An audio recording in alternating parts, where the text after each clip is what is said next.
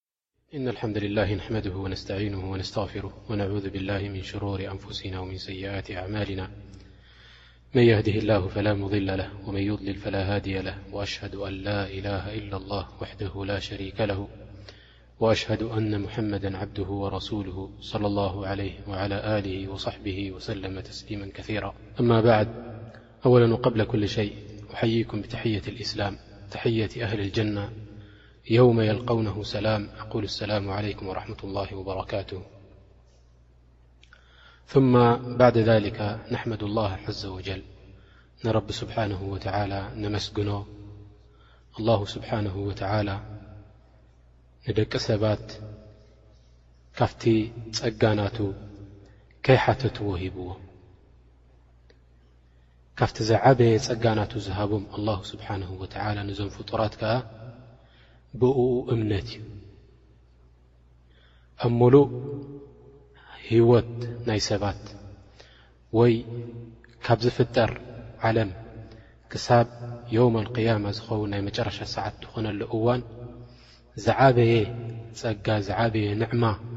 ኣላሁ ስብሓነሁ ወተዓላ ንፍጡራት ናቱ ዝሃቦም እምነት ብእኡ እዩ። ንምንታይ እዚ እምነት ብእኡ ንሱ ሓደ ጎይታ ምዃኑ ኣላሁ ስብሓነሁ ወተዓላ ንፍጡራት ናቱ ደቂ ሰባት ንኽግዝእዎ መንገዲ ናቱ ንኽሕብር ድልእኽ ዝኾነ ጎይታ ሓደ ምዃኑ ብእኡ ክትኣምን ንዕኡ ሓደ ጌርካ ንኽትግዛእ ንሱዩ ሰማይን መሬትን ዝፈጠረ ኣይውለድ ኣይወልድ ኢልካ እምነት ናትካ ኣብ ልብኻ ክኸውን እንከሎ እቲ ዝዓበየ ጸጋ ዝሃበካ ነገር እንታይ እንድሕር ዳ ተባሂሉ እዚ እዩ ማለት እዩ ኣብ ረቡና ስብሓን ወተላ ሊክ ኣነ ዝብሎ እንታይ እዩ ኣብዛ ሰዓት እዚኣ እቶም ኣላሁ ስብሓንሁ ወተላ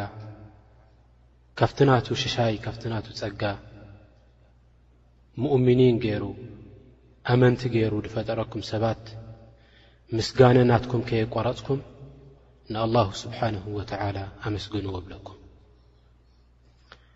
እቶም መንገዲ ስሒቶም ዘለዉ ሰባት ትኽክል መንገዲ ደይፈለጡ ዝኾኑ ሰባት ድማኒ እዞም ሰባት እዚኣቶም ከኣ ቅኑዕ መንገዲ ንኽመርሖም ፈጣሪ ሰማይን መሬትን ዝኾነ ጎይታ ንእቲ ፈጣሪ ክሓትዎ ክልምንዎ ለይትን መዓልትን ሓደ ሰብ እንድሕር ኣ ሓደ እምነት ኣለዎ ኮይኑ ኩሉ ሻዕ እንታይ እዩ ድብል ኣነ እየ ኣብ ሓቂ ደለኹ እዩ ድብል ላኪን ካብቲ ንዓና ዝመፀና ብነብያት ካብ ነብይና መሓመድ ዓለይሂ ሰላቱ ወሰላም ከምኡውን ቅድሚኡ ዝነበሩ ነብያት ዝዛረብዎ ዘረባ ለመና ዘቕርብዎ ዝነበሩ ናብ ኣላሁ ስብሓንሁ ወተዓላ እንታይ እዩ እንድሕር ድኣ ተባሂሉ እንታይ ይብሉ ነይሮም ቅኑዕ መንገዲ ክመርሕ ድኽእል የለን ብጀካ ንስኻ ናብ ቅኑዕ መንገዲ ምርሓና ኢሎም ንረቢ ስብሓንሁ ወተዓላ ይልምንዎ ማለት እዩ ሓታ ነብይና ዓለይህ ሰላት ወሰላም ነቢ እንከሎ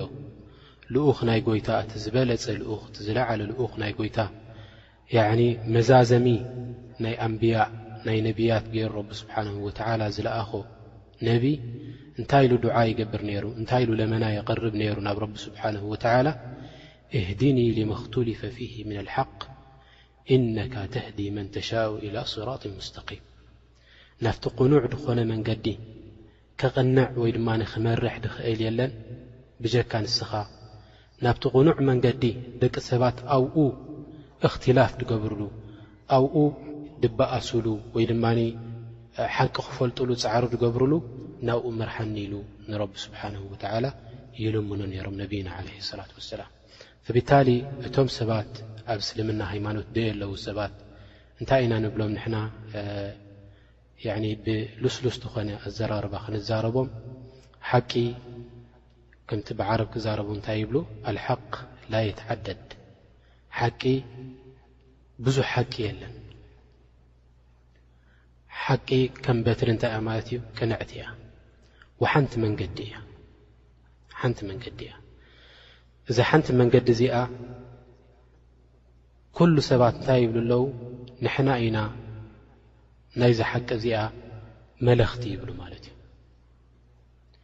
ከምቲ እቲ ዓረብኛ ገጣማይ ክብል እንከሎ እንታይ ይብል ኩሉን የደዒ ወስለን ብለይላ ወለይላ ላ ትቅሩ ለሁም ብዛካ እንታይ ማለት እዩ ኩሉ ናተ እያ ናተ እያ ይብል ላኪን ናይ መን ከም ዝኾነት እቲ ሓቂ ብምንታይ እዩ ዝፍለጥ ማለት እዩ ብመርትዖን ብፍልጠትን መርሚርካን ስለ ዝፍለጥ እንታይ ይብሎም ማለት እዩ ኣነ ጻዕሪ ግበሩ ድለዩ እቲ ሓቂ እሱ ጥራሕ እዩ እቲ ንሕና ዘለናዮ ጥራሕ እዩ ከይበልካ እንድሕር ደኣ መርሚርካን ጽዒርካን እሞ ኸኣ ጎይታ እንድሕር ደኣ እቲ ናትካ ልቢ እንድሕር ድኣ ንጹህ ምዃኑ ፈሊጥዎ ሓቂ ደላይ ምዃንካ እንድሕር ድኣ ፈሊጡካ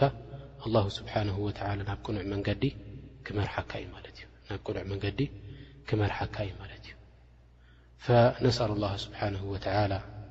ኣን ዩሰቢተና ዓል ልኢማን ንዓና ኣብቲ እምነት ረቢ ስብሓንሁ ወተዓላ ቀጥ ከብለና ንልምኖ ከዛሊካ ነቶም ኣብ እስልምና ደይኣተዉ ደለዉ ሰባት ድማ ነስኣሉ ኣላህ ስብሓነሁ ወተዓላ ንጎይታና ንልምኖ ለይትን መዓልትን ኢድና ሓፍ ኣቢልና ያዕኒ ዓንቀረር ኢልና ናብ ጎይታና እንታይ ንብል ማለት እዩ ናብ ቅኑዕ መንገዲ ምርሓዮም እቲ ትኽክል ድኾነ መንገዲ ሃቦም ኢልና ለመና ነቕርበሎም እዞም ሰባት እዚኣቶም ማለት እዩ ንምንታይ ኣብዛ ዓለም እዚኣ ኮይንና ንሕና ምናልባት ንተኣናጸር ነንሕድሕድና ኣነ እየ ብሓቂ ደለኹ ኣነ እየ ብሓቂ ደለኹ ንብል ላኪን ናብ ጎይታና ምስ ቀረብና ኣብቲ ናይ መጨረሻ ሰዓት ኣብ ዮም ኣልቅያማ እንታይ ክንገብር ኢና ማለት እዩ ኩላትና ንሕና ሓንቲ መንገዲ ጎይታ ቀሪቡልና ኣሎ ማለት እዩ ወይ ናብ ጀና ወይ ከዓ ናብ ጀሃንም ማለት እዩ ወይ ናብ ገነት ረቢ ስብሓን ወተላ ክወስደና እዩ ወይ ድማ ናብ ገሃንም ከምቲ ትብልዎ ናኡ ክወስደና እዩ ማለት እዩ እዚ ኩሉ እዚ ከዓ ጎይታ ፈጢርዎ ደሎ ንፀወታ ኣይኮነን ጎይታ ኣይቅልድን እዩ ፈጣሪ ኣይቅልድን እዩ መሬትን ሰማይን ፈጢሩ እዞም ኩሎም ሰባት ፈጢሩ ገለ ሰብ ይቐትል ገለ ሰብ ይቕተል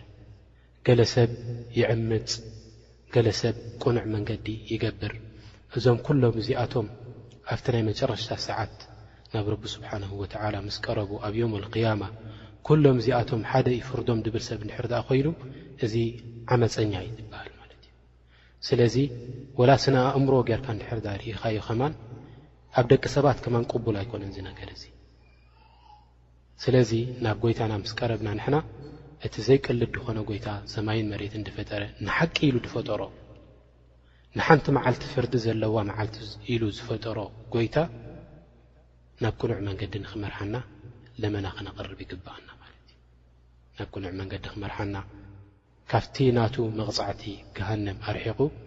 ናብ ጀና ንኸእትወና ልመናና ክንቀርብ ይግብኣና ማለት እዩ። እዚ ክንብል እንከለና ድማ እንታይ እዩ ከምቲ ያኒ ክጠቕሶ ዝጸናሕኩ ምሽዶ ንሕና ፍጡራት ከምኡ ውን ብዙሕ ጌጋታት ተሰኪምና ንኸይድ ዘለና ሰባት ኣይኮናንሲ እቶም ነብያት ዓበይቲ ሰባት ዝኾኑ ኣብ ፈጣሪ ከም በዓል እብራሂም ዓለይሂ ሰላም፣ ሙሳ፣ ዒሳ፣ ኢየሱስ ትብልዎ ንስኻትኩም፣ ነቢና ሙሓመድ ዓለይሂ ሰላቱ ወሰላም፣ ቅድሚኡ ዝነበሩ ኣንብያእ፣ ብድሕሪኦም ዝነበሩ ኣንብያእ፣ ኩሎም እዚኣቶም ንጎይታ ክሓትዎ እንከለዉ ብፍርሕን፣ ንጎይታ ክሓትዎ እንከለዉ ብሕንኽን እዮም ድሓትዎ ማለት እዩ ንኣላ ስብሓን ወላ ንምንታይ ኩሉ እቲ መለኩት ናይ ሰማይን ናይ መሬትን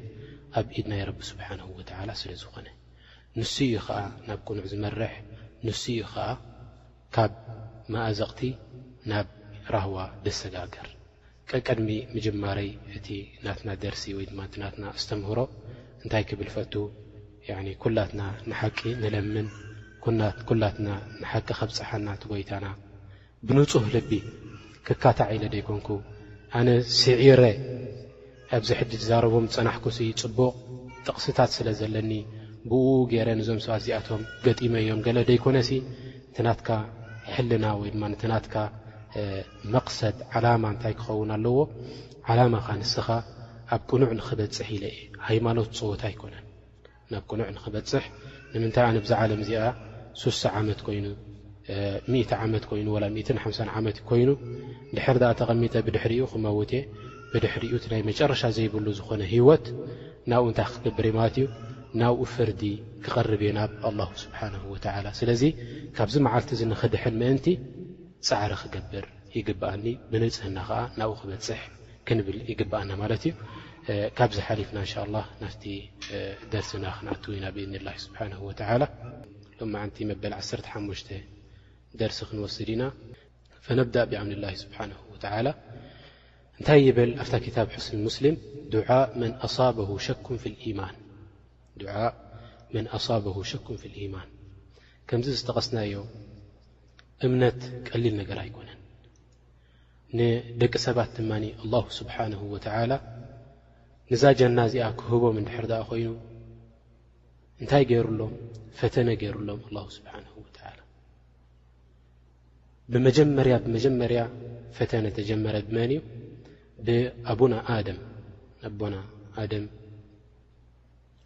ኣላሁ ስብሓንሁ ወተዓላ ናብ ጀና እትይዎ ፈተነ ኸዓ ገይሩሉ እታ ፈተነ እቲኣ ኸዓ እንታይ እያ ኣላሁ ስብሓን ወተዓላ እንታይ ኢልዎ ካብዛ ሸጀር እዚኣ ካብዛ ገረብ እዚኣ ከይትበልዕ ኢልዎ ረብና ስብሓን ወተዓላ እዚ ኸዓ ኵሎም እቶም ኣህልል ክታብ ዝፈልጥዎ ማለት እዩ ክርስትያን ይጠቕስዎ እዮም እዚ ነገር እዚ ከምኡውን ኣይሁዳውያን ይጠቕስዎ እዮም እዚ ነገር እዚ ኣብ ኩሎም ፍሉጥ ዝኾነ ታሪኽ እዩ ማለት እዩ ወይ ድማ ዛንታ እዩ እ ኣላሁ ስብሓን ወተላ ንዓኣ ከይትቐርባ ኢልዎ ፈተነ ገይሩሉ ረብና ስብሓን ወተላ ላኪን ምስኡ እንታይ ገይሩሉ ረብና ስብሓን ወተላ ንታ ጀና ረቢ ስብሓን ወተላ እንታይ ገይሩላ ብምንታይ ከቢብዋ ብሻሃዋት ብስምዒት ንታ ጀና ብምንታይ ከቢብዋ ብመካርህ ብምንታይ ከቢብዋ ብመካርህ ያኒ ነብሲ ትጸልኦ ዝኾነት ነገር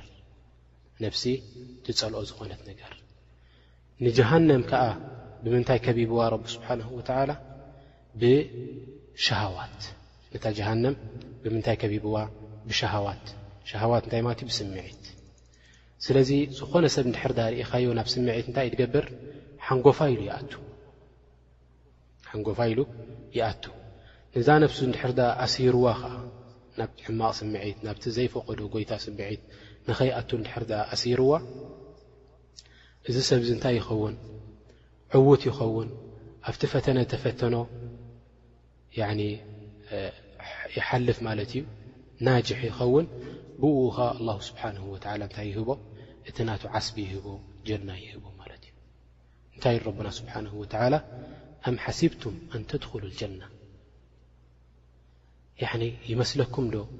ስቕ ኢልኩም ንጀና ክትኣትዉ ኢሉ ረቡና ስብሓነሁ ወተዓላ ወለማ የእቲኩም መሉ ለذነ ከሉ ምን ቀብሊኩም ከምቲ ነቶም ቅድሜኹም ድመፆም ሰባት ከምቲ ናቶም ከይመፀኩም ስቲኺኢልኩም ጀና ትኣትዉ ዶ መሲልኩም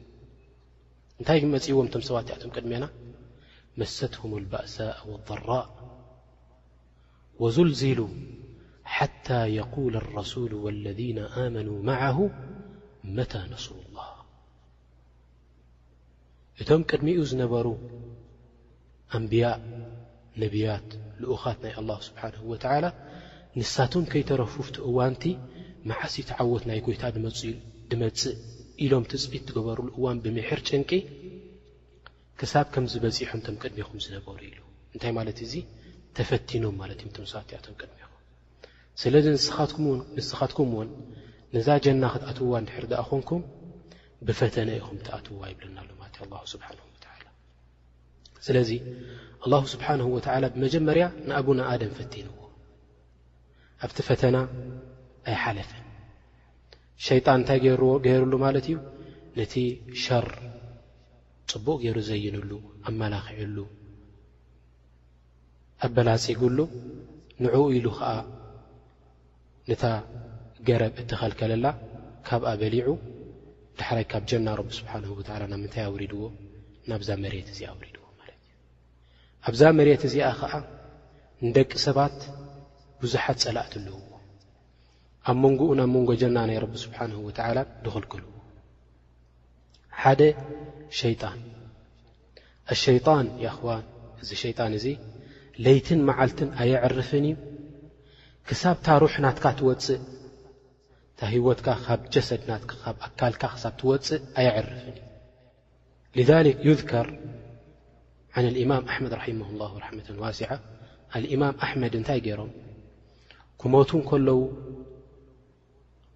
እቶም ኣዕሩኽቶም ናቶም እቶም ደረሳ ናቶም እቶም ኣብ ትሕቲኦም ዝመሃሩ ዝነበሩ ተምሃሮ ናቶም መፂኦም ኢሎሞም ቁል ላኢላሃ ኢላ ላ ላኢላሃ ኢላ ላ በል ኢሎሞ እንታይ ይብሉ ነይሮም ንሶም ላኢላሃ ኢላ ላ በል እንዳበልዎም ከለዉ ላላላ ይብሉ ነይሮም ዳሕራይ ካብቲ ደኺሞሞ ዝነበሩ ምስ ተበራበሩ ተዛሪቦሞም እቶም ተማሃሮ ናቶም እቶም ተማሃሮ ሰንቢዶም ኢሎሞም ንሕና ላኢላሃ ኢላላህ በል እንዳበልናካሲ ንምንታይ ላእ ላእ ትብለና ኔርካ እንታይ ኢሎሞም ኣልእማም ኣሕመድ ኣነ ኣብ ኣፍ ደገ ሞት እንከለኹ ሸይጣን መፅእኒ ኢሉ መፅኡ እንታይ ኢልዎም የኣሕመድ ኣፍለታ ምኒ ያ ኣሕመድ ኣንታ ኣሕመድ ሕጂ ኢኻ ካባይ ዝሞለቕካ ሞሊቕካኒ ኢልዎ እንታይ ኢሎሞ ንሶም ከኣ ናይ ብሓቂ ንረቢ ስብሓንሁ ወተዓላ ድፈለጡ ሰብኣይ ስለ ዝኾኑ እዞም ሰብኣይ እዚኣቶም እቲ ናቶም እምነት ንኣላሁ ስብሓንሁ ወተዓላ ብንጽህና ኢሎም ስለ ዝኣመኑሉ ኣነ ብፍልጠተይ ኣነ በቲ ናተይ ሓያል ዝኾነ ፍልጠት ስለ ዘለኒ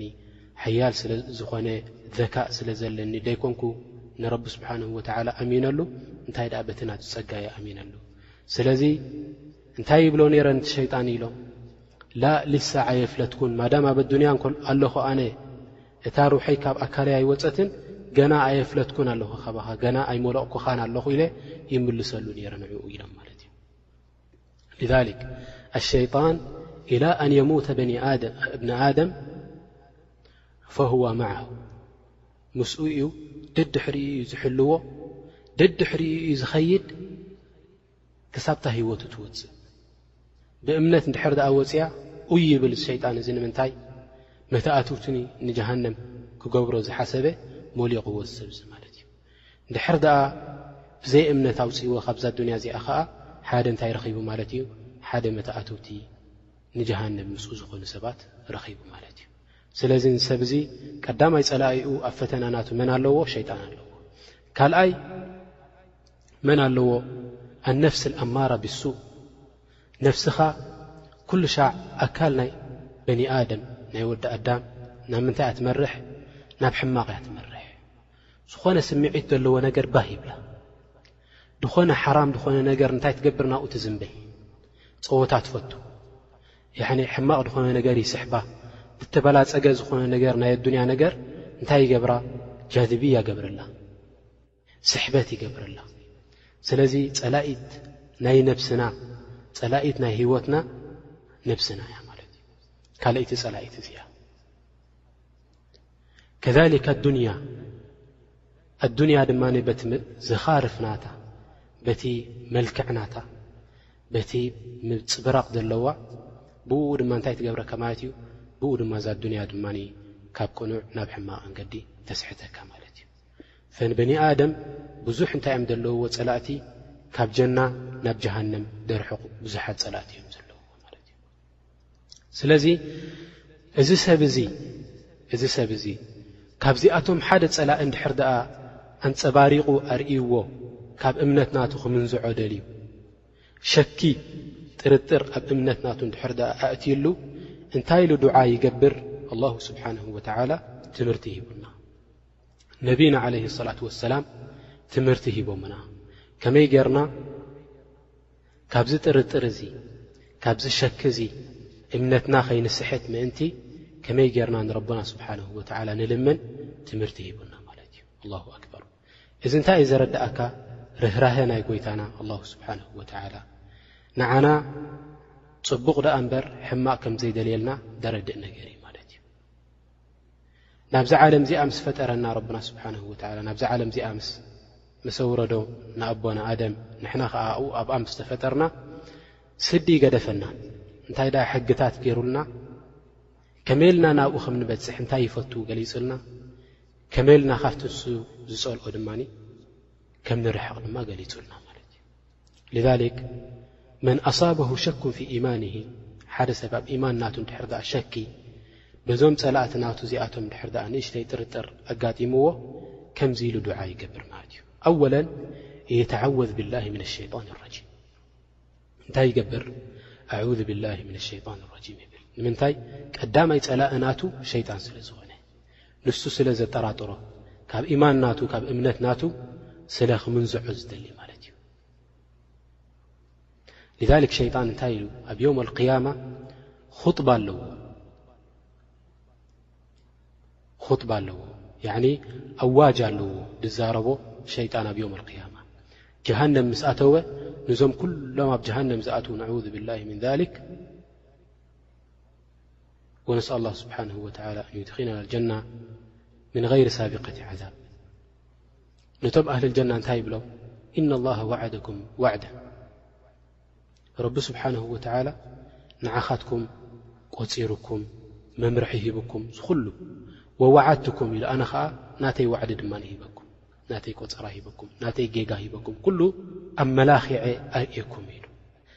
ብድሕሪኡ እንታይ ይብሎም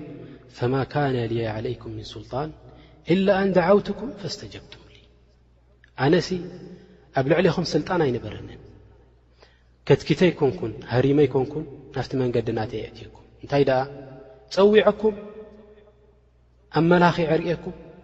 ናፍቲ ናተይ መንገዲ ኣትኹም ሽዑ እንታይ ይብል ፈላ ተሉሙኒ ወሉሙ ኣንፍሰኩም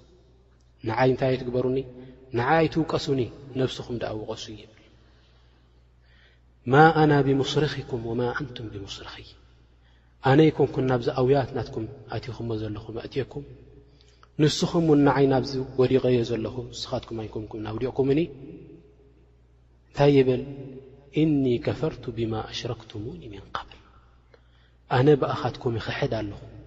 ብኣኻትኩም እከፍር ኣለኹ ይብል ሸይጣን በቲ ንዓይ ሽርኪ ዝገበርኩምለይ ብጀካ ጎይታ ዝሓገጎ ሕጊ ገዲፍኩም ናብ ካልእ ሕግታት ድኸድኩም እሞ ንዓይ ሽርኪ ዝገበርኩምለይ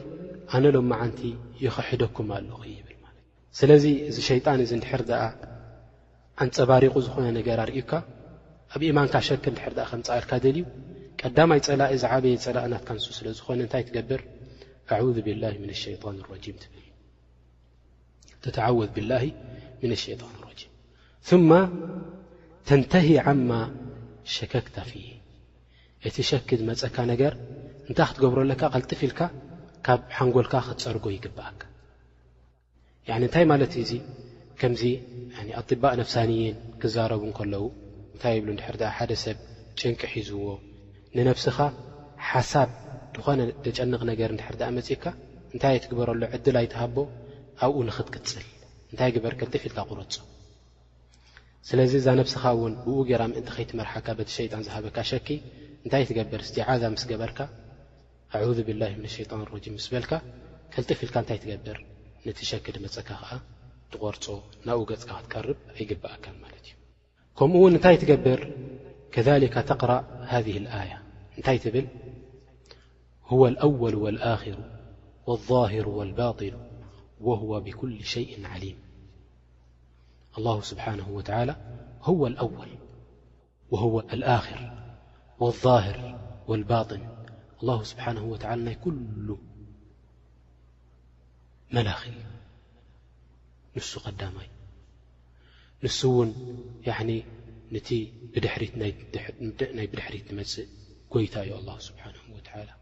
ንሱ ልዑል እዩ ኣላሁ ስብሓንሁ ወተዓላ ናይ ውሽጣዊ ዝኾነ ነገር ዝፈልጥ ዝኾነ ጎይታ እዩ ኩሉ እዙ ንሱ እዩ እቲ ጎይታ ንሱ እዩ ያኒ እቲ ኣላሁ ስብሓን ወተዓላ ልካ ንእመነት ናትካ እንታይ ትገብሮ ያኒ ተርሲ ክትገብረሉ ዝያዳ መሰረት ትገብረሉ ማለት እዩ ኣብ ልበኻ ወህዋ ብኩሉ ሸይን ዓሊም ንሱኻ ብኹሉ ናይ ኩሉ ነገር ከኣ ፈላጢ ትብሎ ንረብና ስብሓንሁ ወትዓላ በዚ እንታይ ትገብር እቲ ሸክ ዝሓዘካ ናይ ኢማን ናትካ እቲ ኣብ እምነትካ ቅሩብ ከማዛብለካ ዝደለየ ነገር በዚ ጌርካ እንታይ ትገብሮ ተርሕቆ ካብ ንብስኻ ማለት እዩ ካብ ንብስኻ ተርሕቆ ማለት እዩ በዚ እቲ እምነት ናትካ እንታይ ይኸውን የርሰኽ ዎ ምናልባት ንድሕር ድኣ ከምዚ ኣጋጢምዎ ሰብ ከኣ ከምዚ ንድሕር ኣጋጢምዎ እዚ እንታይ ምዃኑ ይእመነሉ ናይ ሸይጣን ወሳውስ ምዃኑ ይእመነሉ ሰሓባ መፂኦም ናብ ነቢና ዓለ ሰላት ወሰላም እንታይ ኢሎሞም እቶም ኣዕሩኽቶም ነቢ ዓለ ሰላት ወሰላም እንታይ ኢሎሞም ኢሎሞም ያ ረሱላ ላህ ኣንሕናሲ ድኾነ ሓሳብ ኣብ ሓንጎልና እሞ ይመጸና፣ እዚ ሓሳብ እዚ ዝመጸና ካብ ብኣፍና ንዛረበሉ ካብ ሰማይ እንተወደቕና ይሕሸና ይብሉ ማለት እዩ። ምሒር እቲ ነገር ዘይንኣምነሉ ምዃንና፣ ምሒር እቲ ነገር ከቢድ ምዃኑ ኣብ ልብናሲ ካብ ብኣፍና ንዛረበሉ ካብ ሰማይ እንተወደቕና ይሕሸና እንታይ ማለት እዩ ሸክ ፊ ልኢማን ይመጾም ነይሩ ማለት እዩ።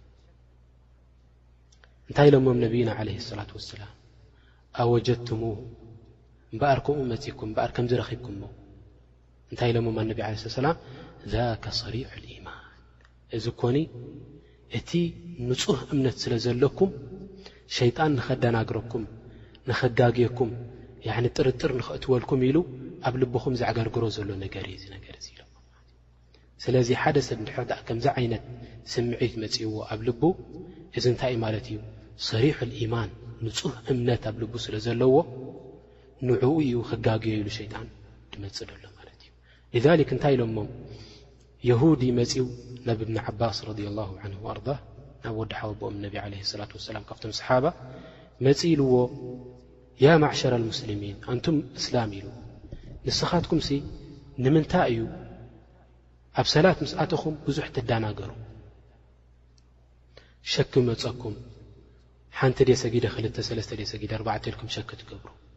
ንሕና ብ ሰላት እንድሕር ኣ ኣቲና ወላ ሓንቲ ሸኪ ይመፀናኒ ኢሉ ንሕና የሁድ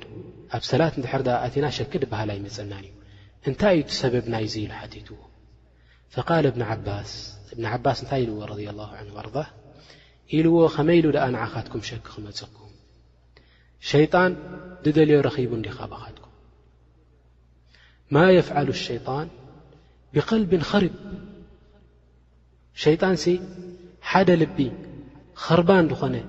ዝበረሰ ዝኾነ ልቢ እምነት ዘይብሉ ዝኾነ ልቢ ሲ እንታይ ከጋጊ ኢሉ እዩ ሞ ናብኡ ክመፅእ ኣስለን ኢማን ናትኩም ብረቢ ስብሓንሁ ወተዓላ ቅኑዕ ኣይኮነን ስለዚ ናባኻትኩምስ እንታይ ኢሉ እዩ ክመፅእ እንታይ ከጋጊዩኩም ኢሉ ክመፅእ እንተ ንሕና እሞ ብሓደ ጎይታ ሰማይ መሬትን ዝፈጠረ ዝኾነ ጎይታ ንሱ መላኺ ንሱ ኣሕዋይ ንሱ ቐታሊ ንሱ ወሃቢ ንሱ ከላኢ ዝኾነ ጎይታ ንኣምነሉ ካብኡ ንኸመዛብለና ኢሉ ይመፀና ከጋግየና ይፅዕር እዩ ማለት እዩ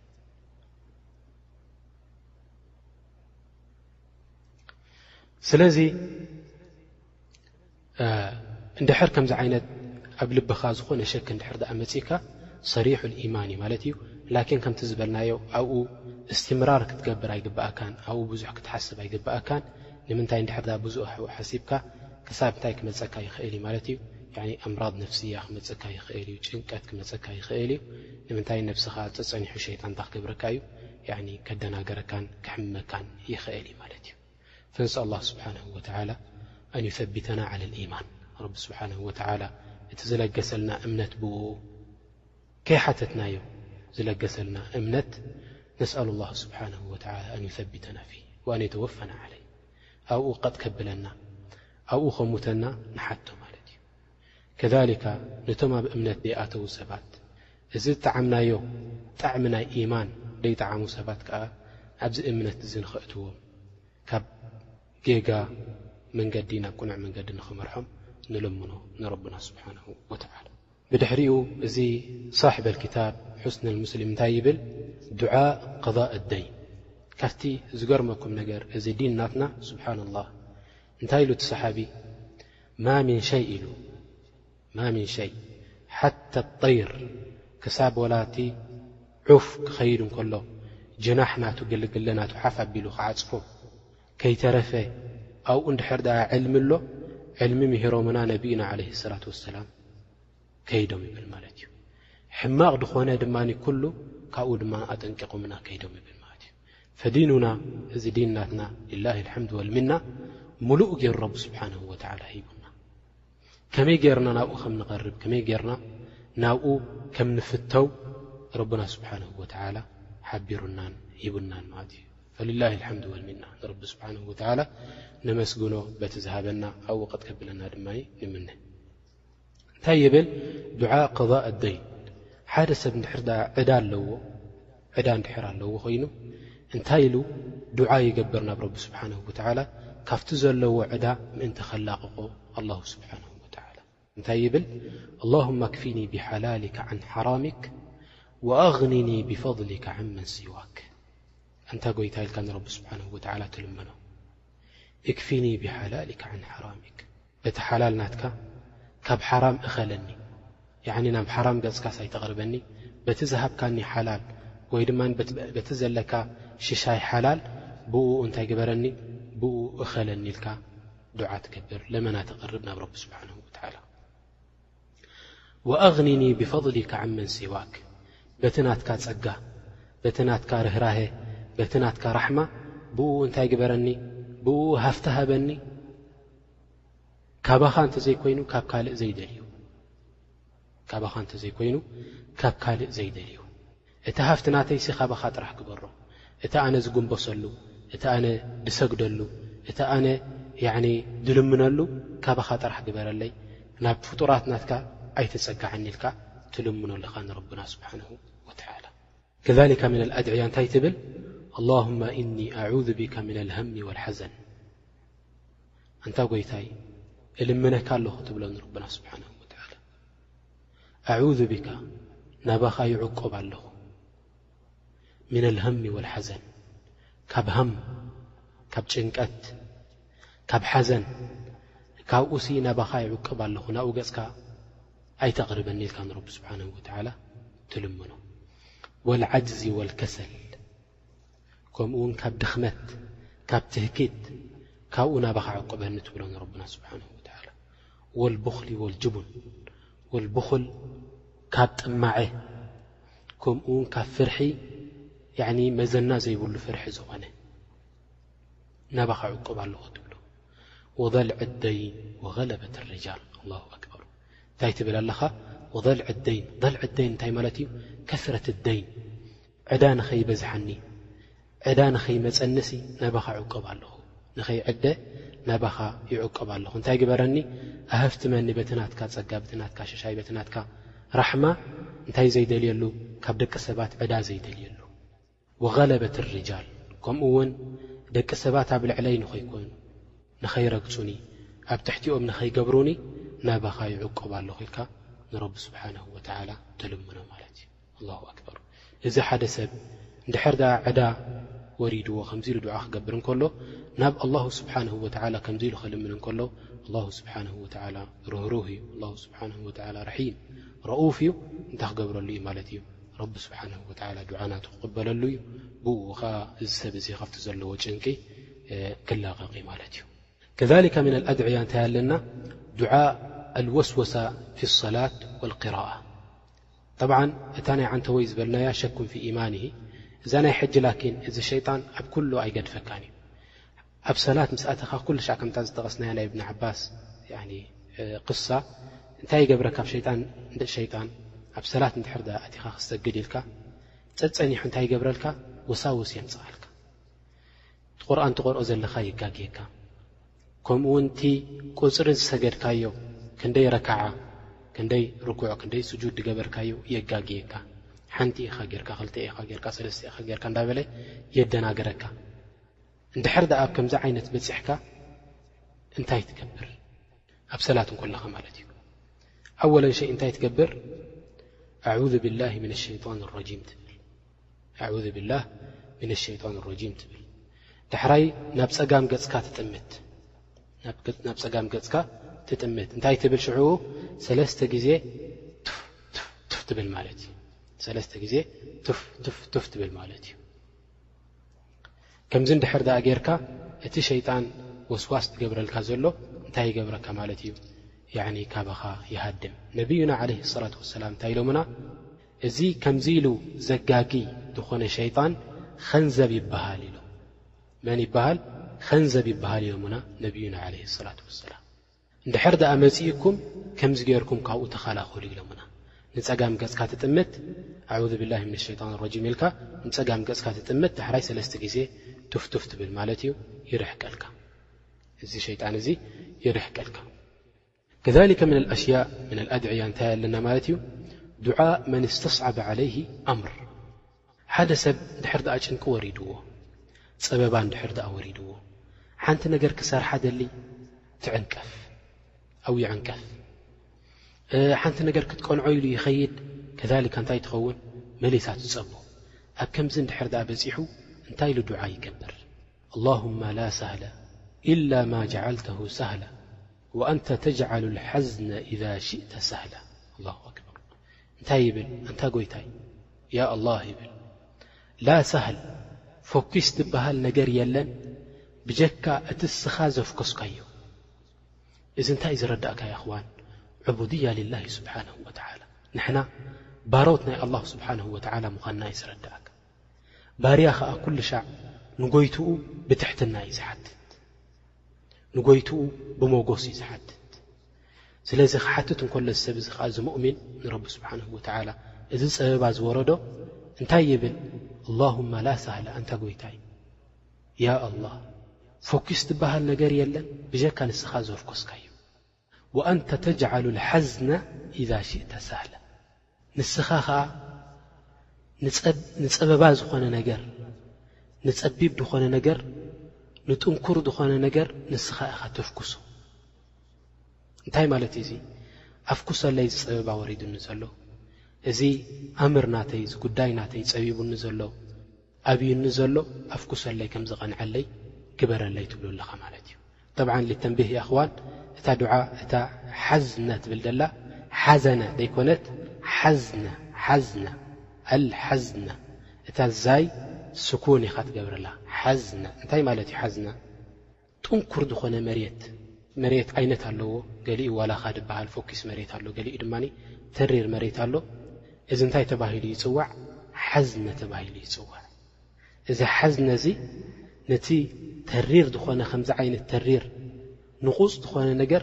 ብኣኻ ፎኪስ ይኸውን ትብሉ ኣለኻ ማለት እዩ። ብኣኻ ፎኪስ ይኸውን ትብሉ ኣለኻ ንረብና ስብሓነሁ ወተዓላ።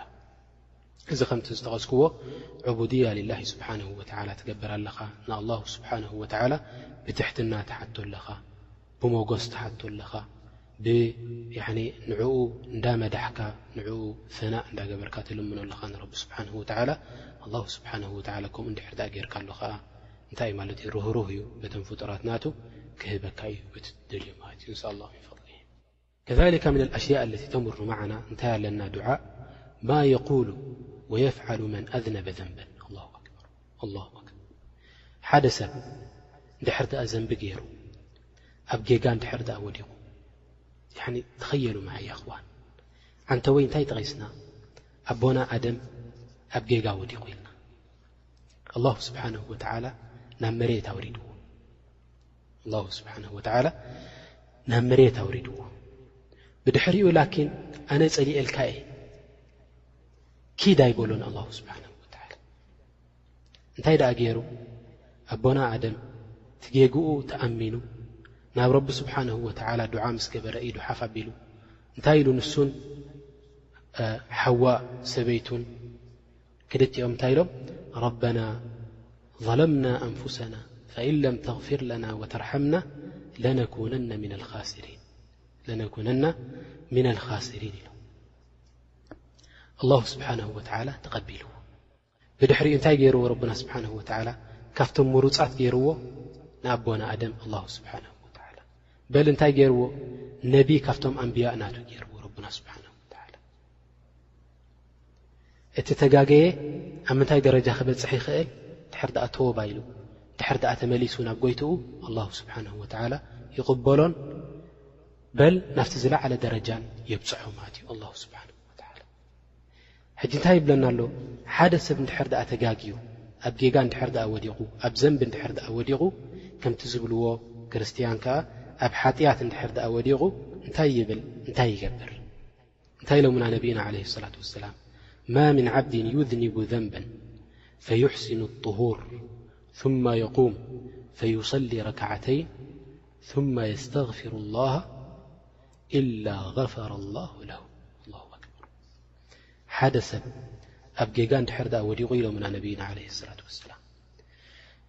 ብድሕሪኡ ተሲኡ ካብታ ጌጋ ናቱ ጌጋ ዝገበራ ካብኣ ኣሒማቶ እታ ጌጋ ዝገበራ ተጣዒሱ ከይዱ ውዱእ ገይሩ ብድሕሪኣ ክልተ ረክዓ እንድሕር ድኣ ሰጊዱ ምስ ሰገደ ሽዕኡ ወዲኡ እታ ሰላቱ ድሕር ድኣ ኢዱ ሓፍ ኣቢሉ ናብ ኣላሁ ስብሓንሁ ወትዓላ እስትቕፋር ገይሩ ረቢ ስብሓንሁ ወትዓላ እታ ዝገበራ ዘንቢ ይቐፍረሉ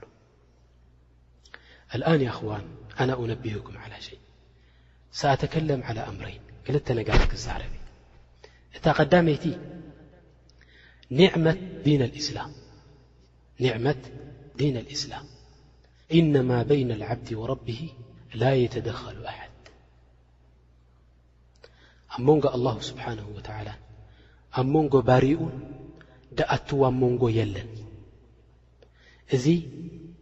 እቲ ብልጽግና ናይ እስልምና እቲ ልዕለት ናይ እስልምና የረድኣካ። እንድሕር ድኣ ተጋጊኻ ግድን ናብ ምንታይ ክትከይድ ኣለካ ናብ መራሒ ሃይማኖት ክትከይድ ኣለካ ናብ ቀሺ ክትከይድ ኣለካ ናብ ሸኽና ክትከይድ ኣለካ ወይ ናብ ጳጳስ ክትከይድ ኣለካ። ከምዚ ዝበሃል ነገር የብልና ሓደ ሰብ ተጋግዩ እታ ጌጋ ናቱ በል እስልምና እንታይ ይግድዶ ጌጋ ናቱ ኣብ ልቡ ኸሰትራ ድሕር ድኣ ንደቂ ሰባት ዝነገር ኮይኑ ጌግኡ እዚ ሰብ እዚ ኣብ ዮም ኣልክያማ ካብቶም ዝመሓሩ ይከውንን እዩ እንታይ እዩ ዝደልየልና ጎይታና ንዓና ስትር እዩ ዝደልየልና ስቱራት ኮይንና ክንነብር እዩ ዝደልየና ኣብ ቅድሚ ደቂ ሰባት ወርደተኛታት ጉጉያት ኮይንና ክንረኣይ ኣይደልየናን እዩ ኣላ ስብሓ ተጋጊኻ እስትቕፋር ግበር ኣብ መንጎይን ኣብ መንጎኻን እዩ ምሕረት ሕተት ካባይ ኣነ ክምሕረካ ብለና ማለት እዩ ኣላ ስብሓ እዚ ዓብዪ ደሊል ይኾነና፣ እዚ ዓብዪ መርትዖ ይኾነና እስልምና ሃይማኖት እቲ ትኽክለኛ ዝኾነ ሃይማኖት ምዃኑ። እንድሕር ድኣ ርኢኻዮ ካልኦት ሃይማኖታት እንታይ ይገብሩ? ሓደ ሰብ እንድሕር ድኣ ተጋግዩ ግዲ ናብ መራሒ ሃይማኖት ክኸይድ ኣለዎ። እቲ ዝገበሮ ኩሉ ጌጋ ክነግሮ ኣለዎ። ዳሕራይ ከ ካብ መን እዩ እቲ ምሕረት ዝቕበል ካብቲ መራሕ ሃይማኖት ሰብ ከምኡ እሞ ከኣ ይፈልጥ እዩ እቲ ሰብ እቲ እዚ መራሕ ሃይማኖት ዝበሃል ዘሎ ካብ ደቂ ሰባት ንላዕሊ ንሱ ኣብ ጌጋ ይወድቕ ምዃኑ ናይ ደቂ ሰባት ገንዘብ ይበልዕ ምዃኑ ናይ ደቂ ሰባት ክብረት ይሕስር ምዃኑ ብዙሕ ነገር እንዳፈለጠ እንከሎ ላኪን ግድን ይኾኖ ካብ ኣቦታቱ ስለ ዝወረሶ እዚ ሃይማኖት እዚ ጌጋ ናቱ ናብ መን ከይዱ የናዘዝ ናብቲ መራሕ ሃይማኖት ከይዱ ይናዘዝ ምእንቲ ንሱ ክምሕሮ ኣለይስ እንታይ ክብል እየ እዚ ሲ ዓብይ ንዓቕሊ ዘለዎም ሰባት ክመዝኑ ዝኽእሉ ሰባት ሓንጎሎም ዓብ ድኾኑ ሰባት ሊዛሊክ ኣላ ስብሓን ወላ ረቡና ስብሓን ወተዓላ ኩሉ ሸዓብ ቁርን ክዛረብ እንከሎ ንመን እዩ ዝዛረብ ንቶም ዓቕሊ ዘለዎም ኢሉ ይዛረብ ማለት እዩ እዚ ኩሉ ድዛረቦ ዘለኹ እኮ እቶም ዓቃላት እዮም ድፈልጥዎ እንዳበለ ይዛረብ ኣብ ቁርን ኣላ ስብሓን ወላ ኩሉና ክንሪኦ ንኽእል ኢና እቶም ዓረብ ትፈልጡ ብዓረብኛ ቋንቋ ቁርን ረኣይዎ እቶም ብእንግሊሽ ትፈልጡ ከዓ ብእንግሊሽ ቁርን ረኣይዎ ኣብ ብዙሕ ኣያታት ክዛረብ እንከሎ ኣላ ስብሓን ወላ እንታይ ይብል እዚ እቶም ዓቃላት ሰባት እዮም ድፈልጥዎ ይብል ማለት እዩ ስለዚ እንታይ ይብል ኣነ ዓቃላት ሰባት ሲ ክርእይዎ ይክእሉ ንድዚ ኣብ መንጎ እስልምና ሃይማኖትን ኣብ መንጎ ካልኦት ሃይማኖታትን ክርእይዎ እንከለዉ ፍልልይ ዓቢ ክርእይሉ ኣይክእሉን ዶ እስልምና ዝደልየልካ ንስኻ ባርያ ናይ ፈጣሪ ክትከውን ጥራሕ እዩ ካልእ ሃይማኖት ዝደልየልካ ከኣ ንስኻ ባርያ ናይ ባሮት ክትከውን እዩ ዝደልየልካ ኣብ መንጎ ክልቲኡ ዓቢ ፍልልይ ኣለዎ ላ የለን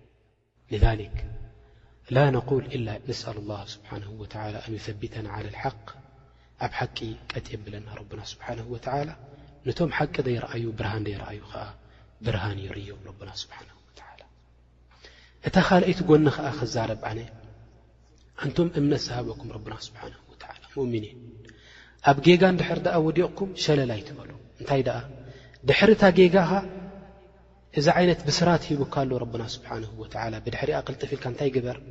ናብ ኣላሁ ስብሓነሁ ወተዓላ ተመለስ ክልተ ረክዓ ስገድ ውድእካ ጌርካ ክልተ ረክዓ ስገድ እስትቕፋር ግበር ናብ ረቢ ስብሓነሁ ወተዓላ እቲ ዝገበርካዮ ዘንቢ ረቢ ስብሓነሁ ወተዓላ ክኽፍረልካ እዩ ኣብ ዮም ኣልቅያማ ብክብረት ንዕኡ ንጎይታኻ ክትራኸቦ ኢኻ ማለት እዩ ፈነስኣል ኣላህ ስብሓነሁ ወተዓላ ኣን የኽፍር ዘላቲና እቲ ዘንቢ ናትና እቲ ጌጋታት ናትና እዚ ኩሉ ዝገበርናዮ ረቢ ስብሓነሁ ወተዓላ ይምሓረና እዎ ይርሓመና። ከዛሊካ ሚነል ኣድዕያል ዱዓእ ጠርዲ ሸይጣን ወወሳውሲሂ ሓደ ሰብ ካብ ገዝኡ ይኹን። ካብ ስድራቤቱ ይኹን ካብ ስርሑ ይኹን ካብ ዝኾነ ይኹን ሸይጣን ብዙሕ ንከየጋግዮ ብምንታይ ገይሩ ይዕቆ እንታይ የብዝሕ ኣወለን ሸይ እዚ ሰብ እዚ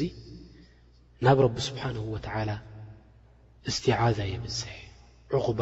የብዝሕ ናብ ረቢ ስብሓንሁ ወተዓላ ኣዑዙ ቢላሂ ሚነ ሸይጧኒ ረጂም ኩሉ ሻዕ ክብል ኣለዎ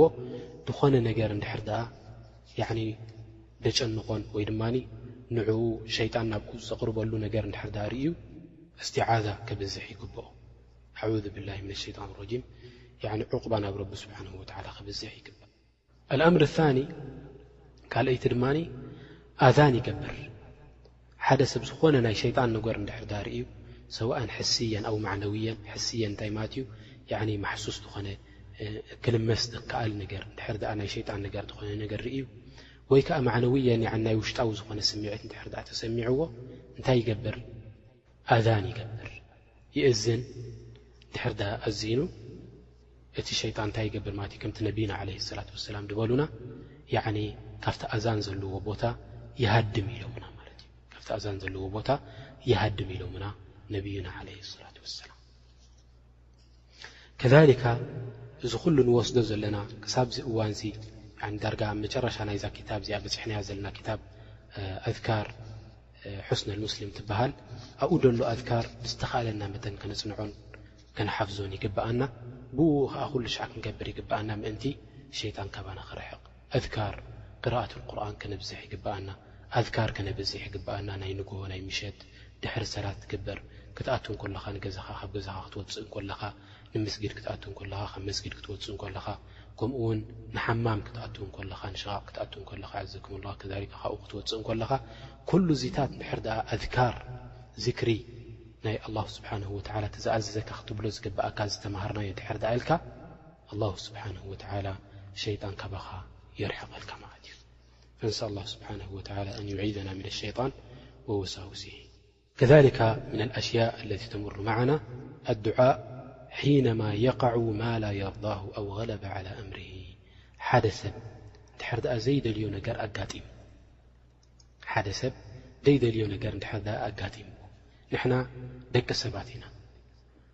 ኣብዚ ዱንያ እዚ ብዙሕ ነገር ፈተነ ኣለና ብዙሕ ፈተነ ኣለና ሓደ ሰብ ትምህርቲ ይመሃር ሙምኪን ትምህርቲ ይዕወት ወይ ድማ ይፈሽል ስራሕ ይኣቱ ንግዲ ይኣቱ ሙምኪን ይዕወት ሙምኪን ይፈሽል ሙምኪን ሰቡ ይሞቶ ሙምኪን ይሓምም ሙምኪን ይመውት ሙምኪን ማኪንኡ ትስረቕ ሙኪን ማኪንኡ ትናጎፅ ከምኡ ውን ጽቡቅ ነገር ውን ይረክብ ኩሉ ነገር ኣብዚ ዱንያ እንታይ ኣለና ማለት እዩ ከምቲ ረቡና ስብሓነሁ ወተዓላ ድበለና ወነብሉኩም ቢልኸይሪ ወሸሪ ፊትና ኸይር ፊትና እዩ ሸሪ ውን ፊትና እዩ ብኸይርን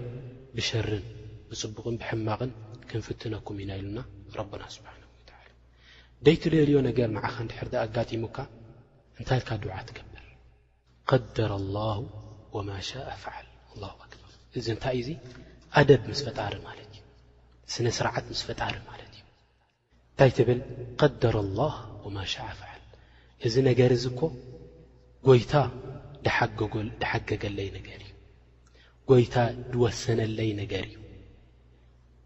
ጎይታ ድማ ንሱ መላኺ ንሱ ወሃብን ከላእን ንሱ ፈጣርን ስለ ዝኾነ እቲ ሱ ድፈልጦ ንዓይ ሂቡኒ እቲ እሱ ድፈልጦ ንዓይ ወሲኑለ ኢልካ ንረቢ ስብሓን ወተላ ብእምነት እቲ ዝሃበካ ተቐበሉ ኣለኻ ማለት እዩ እንታይ ትብል ቀደር ላህ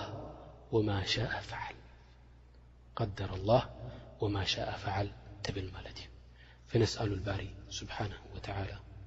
أن يثبتنا على طاعته وأن يثبتنا على دنه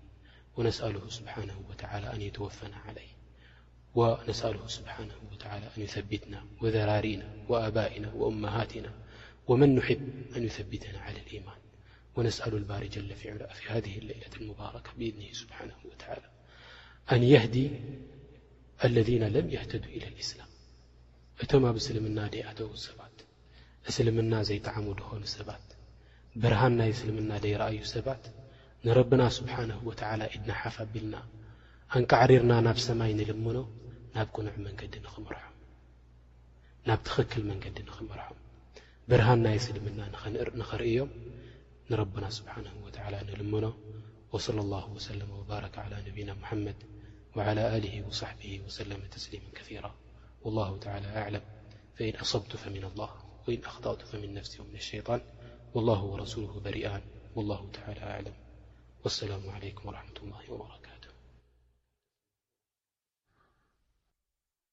ብስሚላህ ራሕማን ራሒም ሕቶ ቁፅሪ ሓደ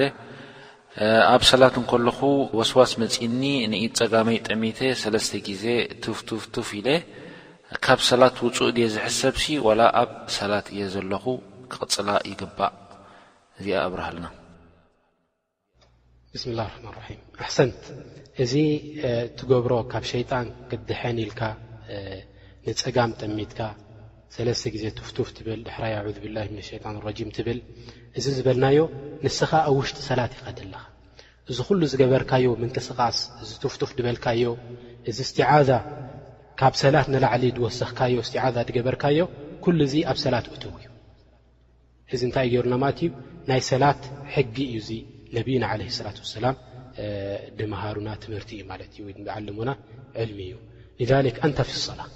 ኣንታ ፍሰላ ከምኡ ምስ በልካ ተስተምር ናፍታ ሰላትካ እታ ሰላትካ ትቕፅላ ክሳብ ትውድእ ማለት እዩ ኩሉማ ከምኡ መፅእካ ሸይጣን ኩሉማ ከምዚ ወሳውስ መፅእካ ከዓ ከምኡ ትገብር ክሳብ ሽ ክሳብ ሸይጣን ካባኻ ድርሕቕ ማለት እዩ ላ ላ ኣለም ሕቶ ቁጽሪ ክልተ እዚኣ ካብ ሓንቲ ሓፍትና ዝመጸት እያ እንታይ ትብል ኣላ ኣነ ሰላተይ ከይቋረጽኩ እየ ዝሰግድ እሞ ሓንሳ ሓንሳእ ትዕሽሙ ይመጻኒ ትብል ኣላ ወስዋስ ይመጻኒ ክሳዕ ሓንሳእ ውን እንታይ ይብል ክሳዕ ረቢ ኣሎ ድዩ የለን ድዩ ወላ ከመይ ጌሩ ይኸውን እዚ ምስልምና ከመይ ጌሮም ረሱል ሰለላሁ ዓለይሂ ወሰለም ንላዕሊ ደይቦም ዝብል ኣብቲ ልበይ ይመጸኒ ኣብ መንጎ ሰላት እሞሲ እንታይ እንተገበርኩ ይሓይሽ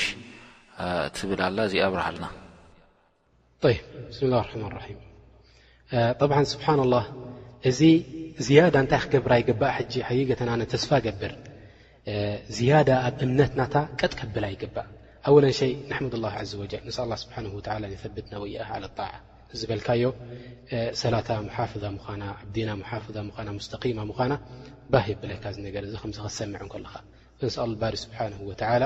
ኣን ዩሰቢተና ወእያሃ ዓለ ጣዓ እንታይ ክብል እዚ እንታይ የረዳእካ ነብይና ዓለ ሰላት ወሰላም እቲ ትምህርቲ ዝሃቡና ንድሕር ዳይ ርኢኻዮ ሕጂ ምዝ ናታ ዘረባ ክተዳርጎ ከለኻ ህልው ስለ ዝኾነ ሂቦምና ነብና ዓለ ሰላት ወሰላም እንታይ ህል ስለ ዝኾነ እቲ ሸኪ ናይ ሸይጣን ሽኩክ ደምፃኣልካ ጀና ኣሎ ድ የለን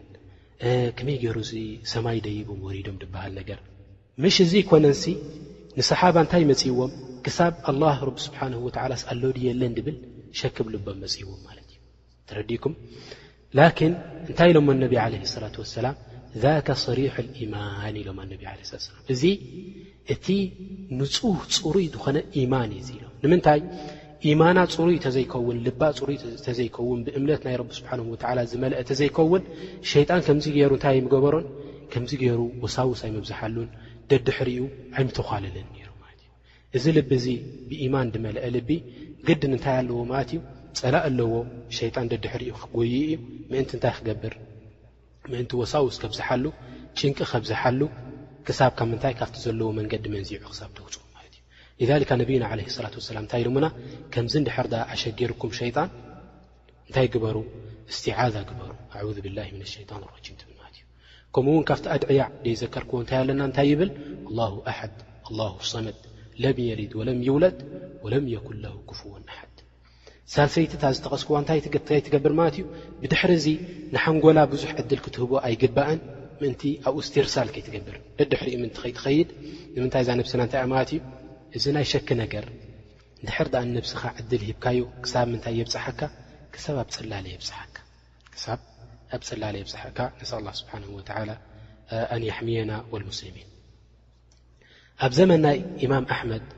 ራማ ላ ራመት ዋሲዓ እንታይ ገይሩ ሓደ ኢልዎም ንእማም ኣሕመድ ኣነሲ ጀናባ ንድሕር ድኣ ኮይነ ነብሰይ ክሕፀብ ኢለሲ ኣብ ምንታይ ይኣቱ ኢልዎ ኣብ ውሓዚ ይኣትው ኢልዎ ኩሉ ነብሰይ ውሽጢ የእትየ ይወፅእ ኢሉ ምስ ወጻእኩ ካብቲ ማይ ሽዑ እንታይ ይገብር ኢሉ ሸክ ይገብር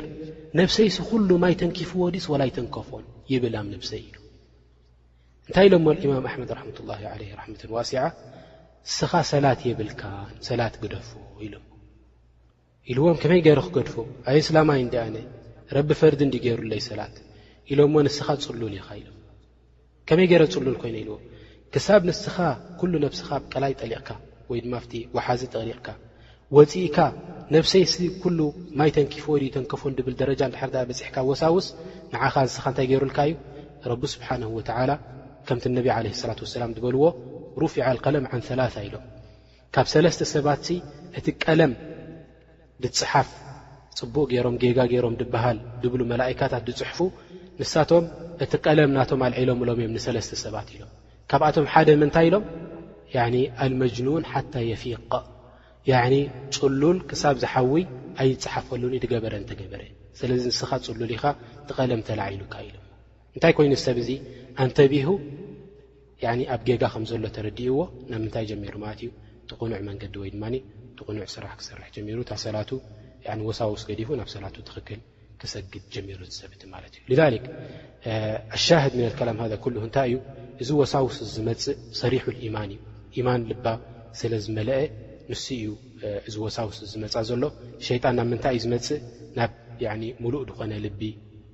ኢማን ደለዎ ሰብ ናብኡ እዩ ድመጽእ ከጋግዮ ኢሉ ላኪን ብምንታይ ጌርና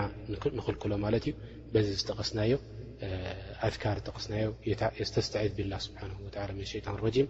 ወከዛሊክ ኣላሁ ኣሓድ ኣላሁ ሰመድ ለም የሊድ ወለም ይውለድ ወለም የኩን ለሁ ክፍወን ኣሓድ ትብል ከምኡ ውን እንታይ ትገብር ኣብ ሰላት እንድሕር ኣላ ኮይና ድማ ቱፍቱፍ ትብል ከምቲ ዓንተ ወይ ዝጠቐስናዮ ምስታ ዝኣምሰለ ኣድዕያ ትገብር ክሳብ ሸይጣን ዝኸብኣ ድርሕቕና ዩ ነስ ላ ስብሓን ወተላ ኣን ዩሰቢተና ዓላ ልኢማን ሕቶ ቁፅሪ ሰለስተ ሓደ ሰብ ኣብ እስልምና ሸርዒ ዘይብሉ ዓዲ እንዳተቐመጠ እንከሎ ሸይጣን ኣጋጊዎ እንድሕር ኣብ ዚና ወዲቑ እሞ እዚ ሰብ እዚ ድማ ተመርዓወ እንድሕር ኮይኑ